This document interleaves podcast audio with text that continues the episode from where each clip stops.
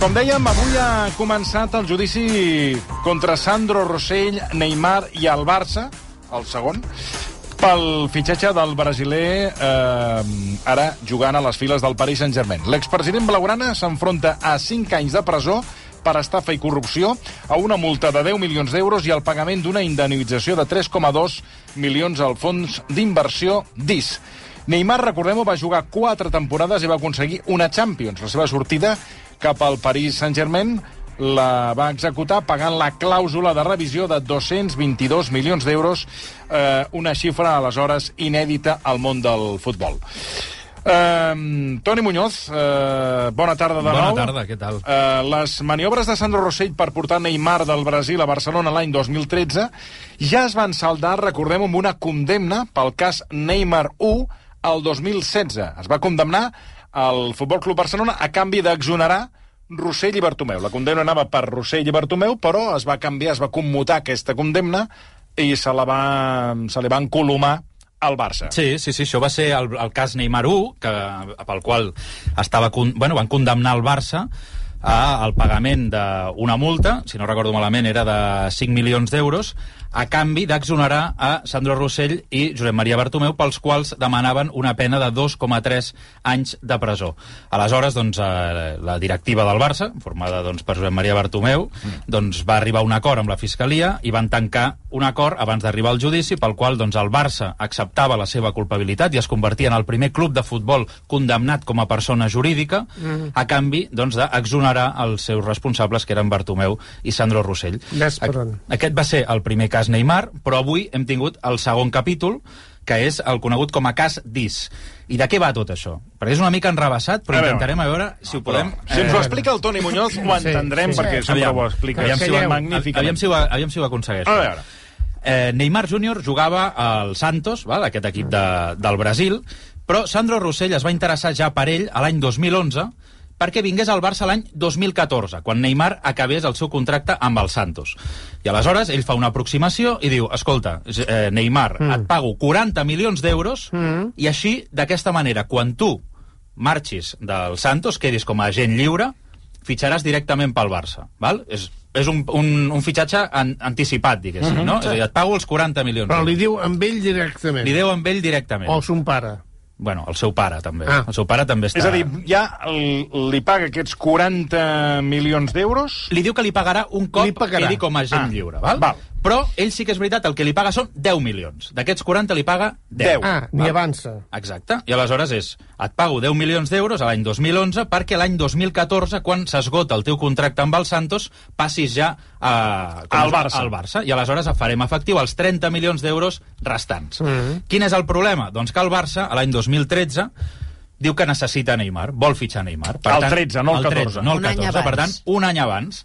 I aleshores diu, bé, aquí han canviat les condicions, perquè aleshores, clar, ell té contracte encara amb el Santos, i aleshores diu, bé, doncs paguem 30 milions d'euros, que és la xifra que ja havíem acordat perquè passés a formar part del Barça, però a part hem de donar algo al Santos. Hem de donar alguna Esclar, quantitat en, esclar. com, com si fos el fitxatge, no? És a dir, Com si fos un traspàs. com si fos un traspàs. I aleshores paguen 17 milions d'euros Al Santos. al Santos pels seus drets federatius. En aquell moment, Neymar, els drets federatius, tenia un 60% que formaven part del Santos i un 40% que els tenia cedits a una empresa que es diu DIS, que són aquests fons d'inversió. Per tant, d'aquests 17 milions d'euros, eh, 6,8 van anar a parar a DIS. Val? Perquè tenia el I 40... van anar per allà. Van anar... Sí, sí, li van pagar. Vale, li van vale. pagar, no? Per això, eh, sempre quan s'ha parlat del fitxatge de Neymar, o aleshores quan es parlava del fitxatge de Neymar, sempre es deia que havia costat 57 milions d'euros, que són els 40 que li van pagar als Neymar Més i els els 17, 17 que van pagar una banda al Santos i l'altra a Dis. Però quin va ser el problema de tot això? Doncs que hi han una sèrie de contractes que signa el Barça amb el Santos i que la Fiscalia i DIS consideren que van formar part del fitxatge de, de Neymar, però que no li van pagar a DIS, que tenia els drets. Per exemple, van... Contractes paral·lels que DIS no en va saber res. Al marge dels Al 17 marge. milions aquests. Clar, és a dir, quan tu fitxes algú, no, també dius, doncs, per exemple, farem un partit amistós al Brasil eh, amb el Barça, no? Doncs per això et pagaré tants diners. Val? Aquest era un dels compromisos. Aquest, aquest partit, per exemple, no es va celebrar mai i, per tant, no es va pagar. però sí que es va pagar, el Barça va pagar 7,9 milions d'euros per uns drets preferencials sobre tres jugadors de la pedrera del Santos. Aquests jugadors, espera que els tinc aquí apuntats, a veure si els trobo, Es va Ah, pagar set- set 7, com- 7, coma 7,9. De més a més. De més a més. per clar, tenir un dret preferencial per aquests tres jugadors per del aquests Santos. tres jugadors del Santos. Que val? són? Que són Víctor Andrade Santos, val? No són sants. pel que va pagar 3,2 milions d'euros. Va Ja- arribar a venir al Barça? No. Saps on juga Víctor Andrade Santos? On, on? A la Sèrie B del Brasil. Sèrie B és la segona divisió. Moco. Però ja van pagar 3,2 mil... Per aquest dret preferencial, que després no van executar, però els diners ja els, Ja els van pagar. Ah, ja. Un altre que era Givanildo Pulgas, Pulgues. que va pagar 1,8 milions d'euros i que ara juga a la sèrie D Mare brasilera. meva. 1,8 milions d'euros. Quin bon ull, no? Sí. I Bueno, després... bon ull, a veure, mm, també pot dir... Digues, digues, perdona. de, no, s'ha de dir que aquests, aquests són els noms que li dona el pare de Neymar a Sandro Rossell dient aquests, aquests, Aquests són són- els bons. aquests, aquests. aquests són els bons. Víctor Andrade... Santos. Santos, Givanildo Pulgas... I Gabriel Barbosa, que aquest sí que he parlat amb gent del Brasil, Sí, és Gabigol. Aquest Ah. és el davanter centre del Flamengo. però aquest no va venir, tampoc. No va venir i ni vindrà. Ja m'han dit que és, per el Flamengo està bé, però que pel Barça no, no té No. nivell. I per aquest van pagar 2,9 milions d'euros. En total, Eh. 7,9 milions que va pagar el Barça, a més a més al Santos, Per al dret preferencial de fitxar aquests. d'aquests jugadors. Clar, que ja sabien, potser en el fons, que no, que no els Potser fitxarien, sabien, sinó que era una manera de pagar un plus. Exacte, potser ho sabien. Bueno, una manera... O no, saps? És a dir, clar, això queda Mm. Eh, a interpretació del jutge.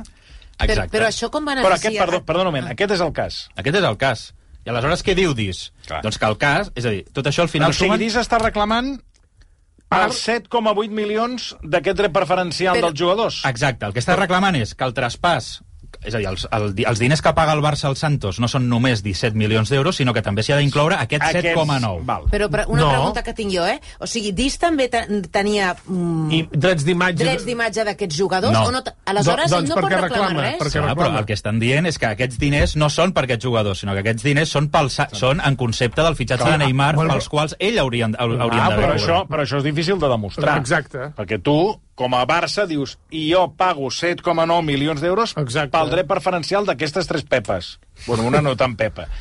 Però, clar, tu teòricament, si t'interessa una pepa, Clar. doncs la fitxes. Serà, Claro. eh, serà que el Barça no ha fitxat teòrics jugadors Clar, de primera fila que i quan han vingut al Barça són unes pepes? Però Clar, però ells representa el que que aquests estan diners dient- se'ls va quedar Neymar. O sigui, que No, aquests diners... No, no, se'ls no, va no, quedar el no, Santos. Però Es nota que es vens de Madrid... Eh, Estàs estapeïda. Sí, massa, massa però, festa. no, però si se'ls va quedar el Santos i DIS no tenia dret sobre aquests jugadors... No, però no, el que estan dient és que aquest pagament, en el fons, És, és per un- amagar... encobert És- al, al Neymar. És a dir, és que el fitxatge del Neymar no van ser 17, sinó que van ser 25. I, per tant, hauria d'haver cobrat 10, Sí, no d'acord. 6,8. Això és el que claríssim. I ara la Fiscalia el que diu és, doncs, paga'm aquests 3 i mig que, que no et van pagar, li has de pagar dis, més una multa i tot això. I per això... Però això els- sí, és difícil de demostrar. no, i sobretot veient com, fun com funciona el món del futbol, que hi ha acords d'aquest tipus. Home. Home. I també la Fiscalia una cosa que a mi em sorprèn molt, també, que digui, i és que diu que un cop van pagar aquests 40 milions d'euros, o van comprometre aquests 40 milions d'euros Sandro Rossell amb, amb Neymar, van vulnerar el dret a la lliure concurrència, és a dir, al mercat lliure. I diu- perquè, clar, diu Neymar, d'aquesta manera, quan va quedar lliure, doncs no, no, estava, no, no estava disponible per tothom, sinó que ja estava, ho, ho tenia fet pel Barça. I dius, bueno, realment la Fiscalia no deu saber gaire com funciona el món del futbol, perquè mm. La gent, quan marxa d'un equip, ja té pactat amb un I altre, tant. i, cobren fima, primes de fitxatge, i totes aquestes coses, no? I, en fi, ells creuen doncs, que Neymar podia haver, o havia d'haver sortit al mercat lliurement per, Oh, per I a més per a qui més, volés. i moltes vegades és el mateix jugador que vol anar amb un equip. Bueno, però aquest... Aquest, és ju- el tema, aquest- també. Aquest és el tema. Perquè, de fet, Neymar, el que declararà demà, que demà declara en aquest judici, i és que O sigui, farà, a- farà, a- nit, farà nit a sigui, Barcelona. avui ha anat al judici. Avui ha I, anat al el- judici. I el jutge, que estava, que jo crec que... Vaguejant estava. Que, en fi, que, exacte. Estava dir que- li queia la bava perquè tenia el càrrec allà davant. Se li ha fet allò que es deia en argot eh, Mm, infantil. El, el, pom, el pompis pepsicola. Quan ha vist Neymar, és... Bueno, és que, perdó, és que, vamos, és que jo n'he vist una devoció d'un jutge davant... Sí, que, sí.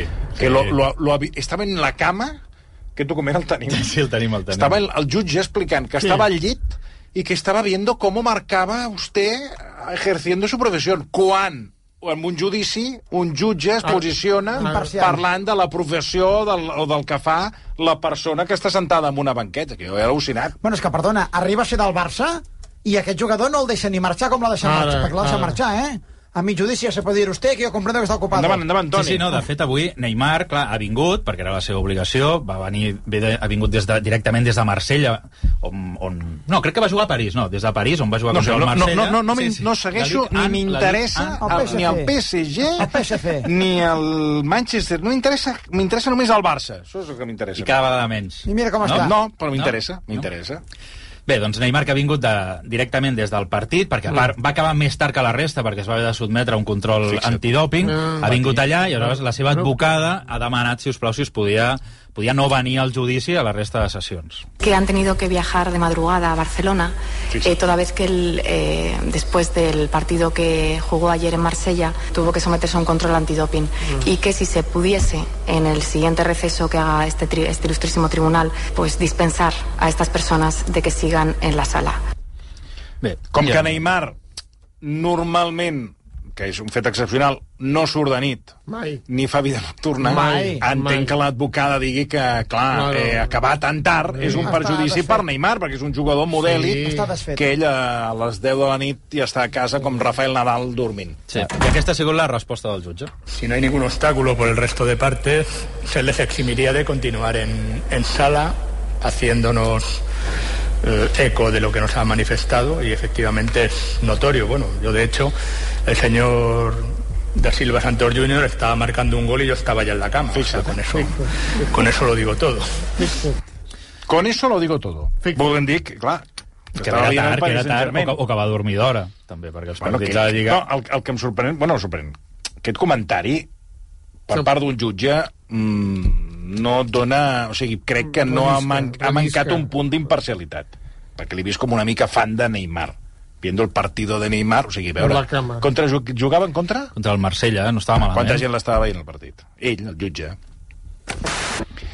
Arriba a ser del Barça i, vamos, el fa cada allà i li fot cadena Santa Perpètua. sigui, no sé, comentari l'he trobat. No, n'ha fet més, eh? Ah, N'ha doncs, fet més, doncs n'ha no, fet no més. cal que els posi... Ah, encara n'ha fet més? Sí, sí. A ver, es público y notorio cuál es la condición del señor Neymar da Silva Santos Jr.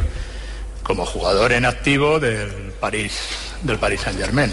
Estamos en plena liga, estamos en plena Champions. Es- es ya fan. le adelanto al señor Neymar, que este presidente del tribunal, que además es el ponente, ya ha mirado el calendario de la Ligue 1, de, de la Ligue 1, o sea, sé cuál es el calendario de partidos de la Liga Francesa y también sé cuáles son partidos de la Champions. Trataremos de buscar la solución mejor y, y- y fact- y factible. Estamos. Atenció, eh? El jutge diu estamos. No, perquè són tres, són tres jutges. Mm. Bueno, però la, parla de la Lliga, ell estamos, com si la jugués ell. O sigui, La- ell, la jo Lliga crec, francesa. ell, sí, jo I la crec Lliga- que ell és del Paris Saint-Germain, però vamos, Ah, de- de, Aquest de jutge... fet, no, jo crec Sí. que no, eh? De, després ha dit, Home, el no veig serem cap obstacle per bueno. vostè, malgrat que jugui al Paris el Saint-Germain. mal, dit. perdona, però és el que t'estic dient. O sigui, aquest home, aquest jutge, va. per al, per al Eh, nord, estava vejant. Amb el Paris Saint-Germain. No, sí que és el veritat que, aviam, s'han pres tota una sèrie de mesures excepcionals Clar, jo, jo, soc, jo, per exemple, sóc la defensa del Sandro Rossell, ja, aquest jutge, el, com es diu allò, quan, quan no, no pot jutjar? Com El vol recusar. Ja el El recuso. Ah, per, Oiga, per usted- cul d'aquesta manera, amb el Neymar, perdona... Usted és ja, aquest Neymar. Home, clar, a la que arribi la sentència, que toma, con tal de contentar a Neymar, que se vaya contento, para que no sufra y piense, tenga malos pensamientos en, el circu- en, Claro. en- en los partidos, que toma, es que, Que, clar... que lo desllorigue la, la pilota. Realmente el que tiene, el que tiene mayores obligaciones, que, que yo entiendo, iba a decir, aunque sea del Paris Saint Germain, es el señor Neymar da Silva Santos Jr. No, no quiero perjudicarle, pese a que eh, juega en el Paris Saint Germain. Tots els Veus? No vol perjudicar-lo, encara Pese a que... què? Sí. No que és del juega. Paris Saint-Germain, No, sí. va, deu ser del Ho ha Barça. dissimulat al No, final. és del Madrid, No, Madrid. però com que volen el paper... Eh... Sí. Ah, això també podria ser. Home! Hombre, Que el BP ho ha negat, eh, que volia que es anar... Sí. Bueno, El BP ja. Repsol. Bueno, que total, que tenim... a- Bueno, el, el, el jutge s'havia mirat el calendari... S'havia mirat, sí, tot. total, que al final han convingut que el Ja millor l'he dia per firmat quedar, la perquè declari, el millor dia perquè declari Neymar és demà. Demà. I de fet ja li han dit, declari demà i ja no vinguin tot el judici Exacte. i fins i tot no cal ni que vingui el dret a l'última paraula, No que era cal, un no, dret que... És més, no jueguen, cal, jueguen. no cal ni que el jutgem. No, home, el jutjaran, ja tindrà el seu advocat, però de fet... Bueno, però aquí Neymar és, és, una, és una part... Eh, eh, és a dir... És acusat. Està Li demanen acusat, dos sí, anys sí. de presó. Bueno, però ell, què, què, què, què, què sabia ell? No, ell el que vindrà a dir és el que ha dit el senyor Marcelí abans, que mm. ell, la seva voluntat era jugar amb el Barça, vull dir que no calia su- que sortís al mercat lliure, perquè ell sempre havia volgut Bueno, jugar però al això, Barça. això no és ben bé així, perquè ell, recordem que ho tenia... To... Aquí hi ha una qüestió una mica mm, fosca, No. que sí, perquè Neymar ho tenia tot tancat per anar al Madrid. I aleshores aquí es va interposar eh, Sandro Rossell i d'aquí ve tot l'enrenou del primer cas Neymar, que hi havia uns pagaments que no es van eh, donar a conèixer, és a dir, que és un fitxatge que eh, Neymar, per una banda, i alguns dels seus eh, assessors, entre ells el paper del pare, Sí. Eh, ho tenia tancat amb el Barça, però ell eh, ho tenia tancat amb el Real Madrid, a través també d'unes altres eh, d'uns d'un- d'uns altres socis. Vull dir que aquí al final hi ha un punt fosc que veurem què és el que diu Neymar. Sí, però Neymar, sobretot demà, el que dirà és això, que ell, la seva voluntat era jugar al Barça mm. i, i ja està. Ah, També I demà, veritat- perdona, Sí. demà dius que eh, Sí. declara... que Demà serà un dia interessant, perquè demà declara Neymar i Florentino Pérez. Sí. Hombre, Per, Perquè explicarà quines intencions tenia el Real Madrid de fitxar a Neymar i quins tractes havien arribat a, a pactar amb ell. Clar, explicarà això i dirà, segons perquè al final això és una, és una prova que demana DIS, dirà doncs, que ell va intentar fitxar Neymar, però com que ja li havien pagat aquells diners, ja no es podia desfer de- d'aquest contracte. Bueno, demà dia, demà dia interessant. Demà dia interessant Demà amb Neymar i. Florentino Pérez i potser Zubizarreta, també. Bueno, sí, exacte, Antoni Zubizarreta, que, esportiu. Que l'altre dia l'escoltava... bueno, bueno. Bueno, no recordo quin mitjà i que va dir que el Barça, que, que la cosa pintava molt malament, tal com es va confirmar Sí, ahir. sí, sí. Bé, més coses. Uh, avui hem conegut tota la remodelació de, bueno, de la cúpula dels Mossos. A veure, que ho tinc per aquí. El conseller d'Interior ha destituït el comissari en cap dels Mossos, que el va nomenar ell, no? El va nomenar ell el desembre de l'any passat, sí. Bueno, ara m'ho explicaràs, perquè jo aquí ja no entenc Nou res. mesos ha durat. Joan Ignasi Helena li ha comunicat a Josep Maria Estela aquest matí en una reunió que ha mantingut eh, per abordar eh, una atenció que ara ens explicaràs que, bueno, que quedava rellevat del, del càrrec eh, eh, de la direcció, en aquest cas, del, dels Mossos d'Esquadra. La pregunta, Toni, és com pot ser que un home de la confiança del conseller Joan Ignasi Helena fa nou mesos el, eh, el posa com a, en fi, com a, com a cap dels Mossos d'Esquadra i nou mesos més tard el, el destitueix. Fas una cara, perquè tinc, tinc que explicar tot, podem estar fins a les 7 de la tarda. No, no, aviam, la veritat és que la versió oficial és la pèrdua de confiança, no? Mm. Però... Però no el posa ell. Sí, sí, clar, el posa ell, però aquí el que hi ha és una crisi interna entre els diversos comandaments dels Mossos d'Esquadra. El conseller Helena el que va fer va ser col·locar una triple cúpula, no?, encapçalada per Josep Maria Estela, que és el que avui han cessat, una, el, la seva madre, o qui havia de ser la seva mà dreta, però que no ho era, no el va triar ell, sinó que li van imposar, diguéssim, des de la conselleria, que era Eduard Sallent, que era, ja havia estat abans de Trapero el comissari en cap, i el destitueixen doncs, per posar-hi a Trapero, doncs el posen de número 2.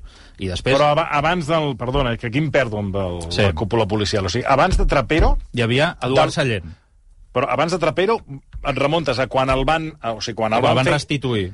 quan el van restituir. No abans de que No. arribés a ser cap de, dels Mossos i, No. fos, i fos fins i tot eh, Major. major. No. Sí, no. O sigui, això és després de la destitució Exacte. de Trapero, és restituït, i abans de que sigui restituït Trapero, ho era... eh, Eduard Sallent. Eduard Sallent. Va, quan fan fora Trapero, amb una decisió... Sí, que tampoc es va entendre. Que tampoc es va explicar gaire, no? Perquè es va demanar, es va dir allò de la feminització i la, el rejuveniment, de, que clar, es van posar un senyor que era 5 anys més jove i un home, vull dir que tampoc no, ni feminitzaves ni rejuvenies, però... Van, van, No, és que, és que, és que perdona. És que, clar, i no ho van explicar gaire bé, no? No, no va no, generar un, un gran enrenou fins que es remodelen la cúpula. Mm. Tota la legitimitat, òbviament, del conseller per Sí, posar home, la gent tant. que, vo- Sí, que, sí. que eren de la seva confiança. Què és el que ha passat? Doncs que al final el número 1 i el número 2 no s'han entès. Josep Maria Estela amb Eduard Sallent no s'han entès, fins al punt que no es parlaven fixa't. no es parlaven. Ni l'un ni el dos dels Mossos d'Esquadra no es parlaven. Fixa't. I un altre fet, un altre fet eh, curiós, que també m'expliquen, és que aquest estiu, normalment, l'1 i el 2 dels Mossos es queden sempre de guàrdia, un o altre, no? S'alternen. Tu t'agafes les vacances a l'agost, doncs jo me les agafo el juny. Bueno, com aquí a RAC1, eh? Aquí a Clar. RAC1 Sí. o hi ha el Penal o hi ha l'Aimeric, eh? Sí. Claro. Sempre hi ha o sempre hi ha algú dels Home, dos. home, lo lògic. Clar. Sempre hi ha algú dels dos, de guàrdia. I tant. Aquest estiu, tu, tu vens aquí a l'estiu i Sí. un o l'altre sempre hi Bueno, sempre hi ha algú que Sempre lideri hi ha algú, la, sempre. la institució.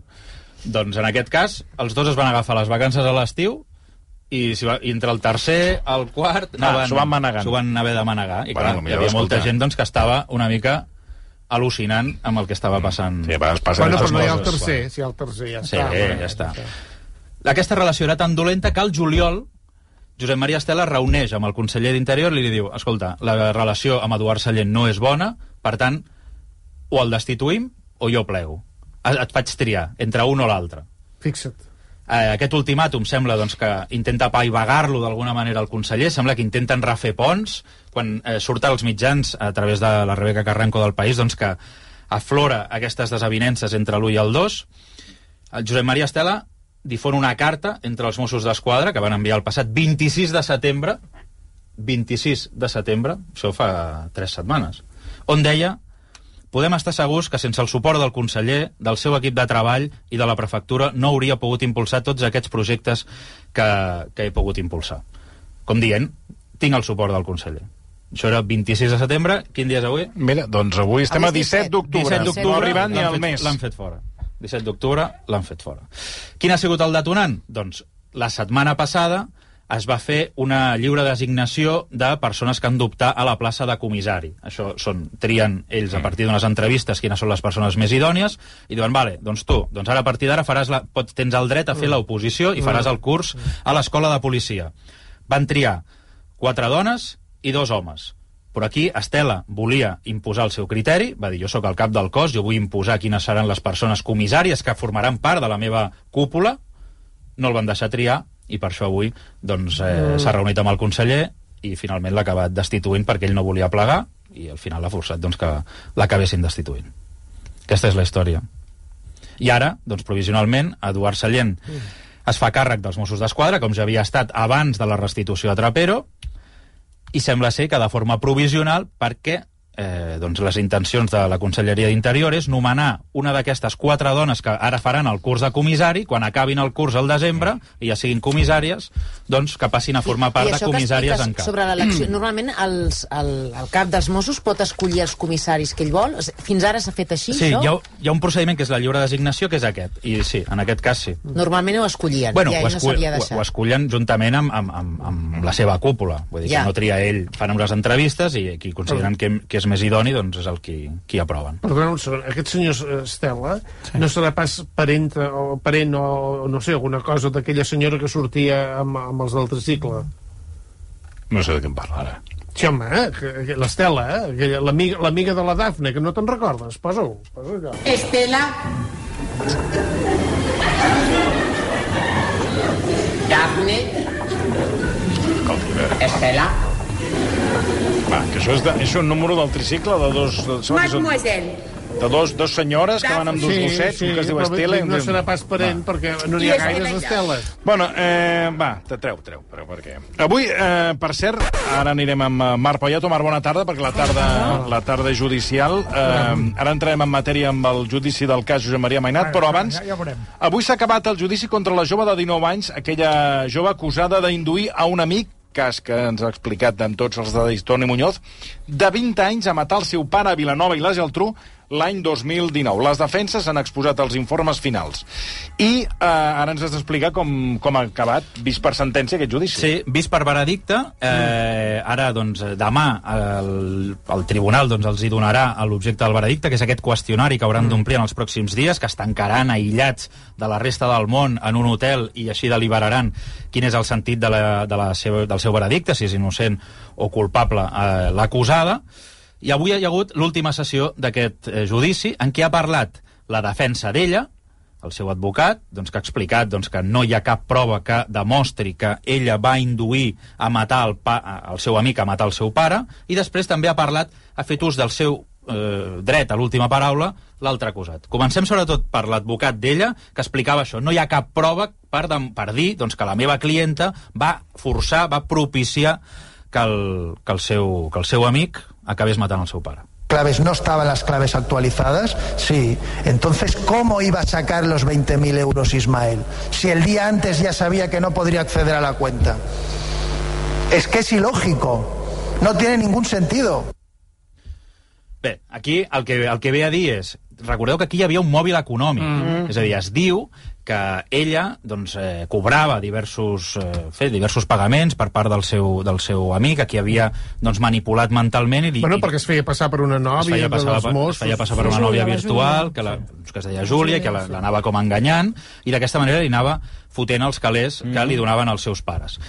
Doncs una de les proves que de, diu aquest advocat, eh, l'advocat d'ella, que es diu Eloi Castellarnau, és el dia del crim, el que ella explica és que diu, mata el teu pare i agafa les claus d'internet sí. dels comptes i transfereixes 20.000 euros. Però hi ha un fet que van explicar i és que el dia abans aquest noi ja va intentar agafar les claus de la seva mare i justament li havia canviat. Per tant, ja sabia o ja, de, ja sabia que desconeixia quines eren aquestes claus. Per tant, per molt que li digués que podia robar aquests diners, ell no ho podia fer. Per tant, aquí una mica el que ha intentat demostrar aquest advocat és que no es pot discernir un, un noi que era esquizofrènic o que tenia, patia en aquell moment un brot esquizofrènic, si realment Si ho va fer per encàrrec o va fer perquè ho va fer. o perquè tenia un deliri. És a dir, si ell el, tot el que ha explicat és perquè recorda el deliri que tenia o recorda la realitat. I avui ell, fent ús d'aquest dret a l'última paraula, ha volgut deixar clar que ell ara, després d'haver fet tota aquesta teràpia, sap discernir perfectament el que era real del que no ho era. claves no estaban las claves actualizadas,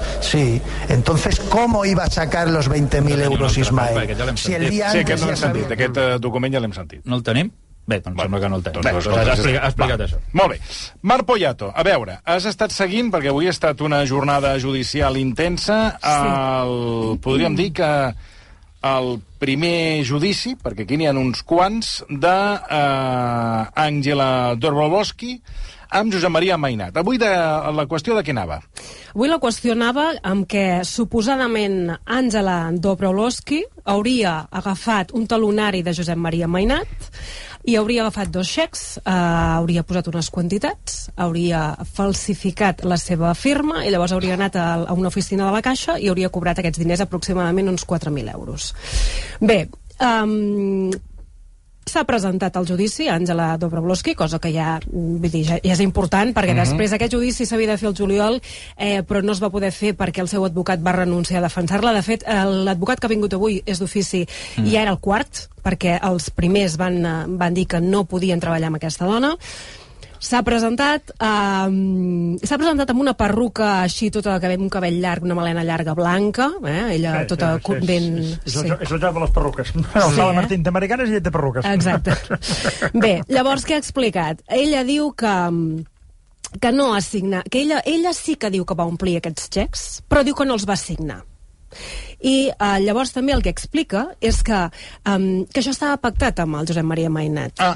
Sí, diu, sí, perquè Ah, això, sí? jo li vaig fer, jo li vaig fer una, una proposta, que era, uh, la meva germana havia vingut a viure a Barcelona, la meva germana s'havia de comprar un pis, i per tal que pogués pagar l'entrada del pis, doncs jo li vaig dir al Josep Maria Mainat si volia pagar-li aquesta entrada. Diu, i a canvi, jo li deixava veure els nens per les vacances en les dates que ell volia. Mm. Però això quan ja estaven separats. Sí, O sigui, aquest judici ja estem, Sí, ja ja, separats. este, ja estem en... Sí. Perquè, clar, quan que hi ha diferents causes, o sigui, aquest Sí, sí, judici sí, és de sí, sí. quan ja s'ha- Sí. Ja s'havien la parella s'havia separat. s'havien separat. Llavors el que ella buscava és O sigui, això. a canvi de que em paguis l'entrada del pis de la de la meva meva germana, germana. jo et deixo veure els fills. Exacte. Però llavors li han demanat al Josep Maria Mainat, que ha declarat com a testimoni, mm, ha sí. vingut, acompanyat de la seva advocada, l'Olga Tubau, i ha dit, diu, no, diu, però això, diu, sí que és cert, diu, però això no té res a veure amb els xecs, diu, perquè això ja va passar molt abans de tot això. Mm val? Per tant, una cosa no té res a veure amb l'altra. Diu, i reconeix vostè la seva signatura en aquests xecs? Diu, no. Diu, No, aquesta no. signatura no és la meva. Això no era meu. Però tenim, però tenim Res a veure. Uh, una qüestió i és que el mateix Mainat Sí? a, la, a la vista ha dit que retirava l'acusació contra la Àngela Doblaboski. Per què? Perquè diu que n'està fart, que ja no pot més. Eh, i que vol eh, que tot això s'acabi i vol centrar-se en el que ell anomena el gran judici final. Quin és? El del cas gros, Clar. que és l'intent d'assassinat. Insolent. Aquest serà l'any que ve. Aquest serà l'any que ve, exacte. Això és el que explicava Josep Maria Mainat a la sortida del jutjat. Nosotros nos hemos retirado como acusación particular y lo hemos dejado en manos del fiscal. Sí, sí. retira usted voluntariamente. Sí. Siempre sigue deseando lo mejor para Ángela, ¿no? No, no es por eso, sino porque estos talones, en su momento, el banco me devolvió el dinero Digo que el banco me devolvió, me devolvió el dinero, yo no me siento perjudicado. Hace dos años me enfadé un poco por lo de que alguien me quisiera estafar, pero ya lo he superado. Doncs bé. Bueno, que eren 4.000 euros i jo per mi és calderilla. Bueno, home, però no balla, diguis això. Home, mare Déu. No diguis això. Mare hem, hem de Déu, dir que, per aquest cas, Àngela Dobrovolski va ser detinguda, eh? És a dir, això, Sí. recordem que el cas gros del cas Mainat és el juny del 2020. I això passa a l'agost del 2020. I l'estem jutjant el 2022 el cas dels dos talons. Dels talons, sí. Sí, I L'altre... m'estàs dient que el cas d'intent d'assassinat... Serà l'any que ve. Ja l'any que ve. Sí. Ui. Sí. Llavors ella um, ha fet servir també el torn d'última paraula. Vull dir, el Mainat ha declarat com a testimoni, després ha marxat i amb ella ja li han donat l'opció de, de, de fer aquest ús de l'última paraula i llavors el que ha volgut és fer-se la víctima, una lliçó que ha donat al tribunal, eh, si voleu escoltar-la. Ruego que, que consideren, señorías, de que tienen un trabajo de mucha responsabilidad. Yo pienso que ustedes deberían hacer prácticas eh, en una cárcel, porque si ustedes condenan a personas a cárcel deberían saber lo que es. Y esto, la policía y ustedes me tendrían que haber protegido más de lo que me ha pasado en el trayecto de estos últimos tres años, pienso. Eh, Això diu a la haurà jutge agradat, haurà, haurà agradat molt als jutges, eh? Que els hi vagin dient això. que haga prácticas en una cárcel, Sí, eh? sí. com si no sabessin què és. Bueno, hi ha algun que està, que està esperant que li signi una samarreta de Neymar. bueno, i per tant, eh, ja, ja, el, ja el donem per tancat, perquè s'hi ha retirat Sí. la, els càrrecs, per no, tant, no, no, no, no, tancat. no, cas tancat no, Ah, perquè no? la Fiscalia continua acusant. Ah. No, no, la Fiscalia, aquest judici Però, ara ha però, quedat vist però, per però sentència. el Josep Maria Mainat ha retirat els càrrecs, Sí, per tant, no hi ha però- causa, no? No, sí, hi ha una acusació que és la Fiscalia. Ah. O sigui, el, el Mainat és acusació particular. Ah, i ara és la Fiscalia, La que Fiscalia segueix. hi veu pre prejudici igual. Clar, sí, sí, sí. sí. Ara m'haureu de pagar, eh? Perquè jo tinc els drets del judici, mm. perquè això em forma part del meu cas. és com home. quan em van voler copiar lo d'Eufòria, eh, que era una còpia Operació Triunfo, que Bueno, llavors home, però- ja em dic que denunciaríem i si no em pagueu, si no em pagueu per parlar d'aquest judici, us fotrem una denúncia. Quants, quants en queden? De... Ja, ja, quedava aquesta causa, ja queda la de la... Ja, ja Quedava acabat. ja la està, del sí, ja. pot de la malmelada.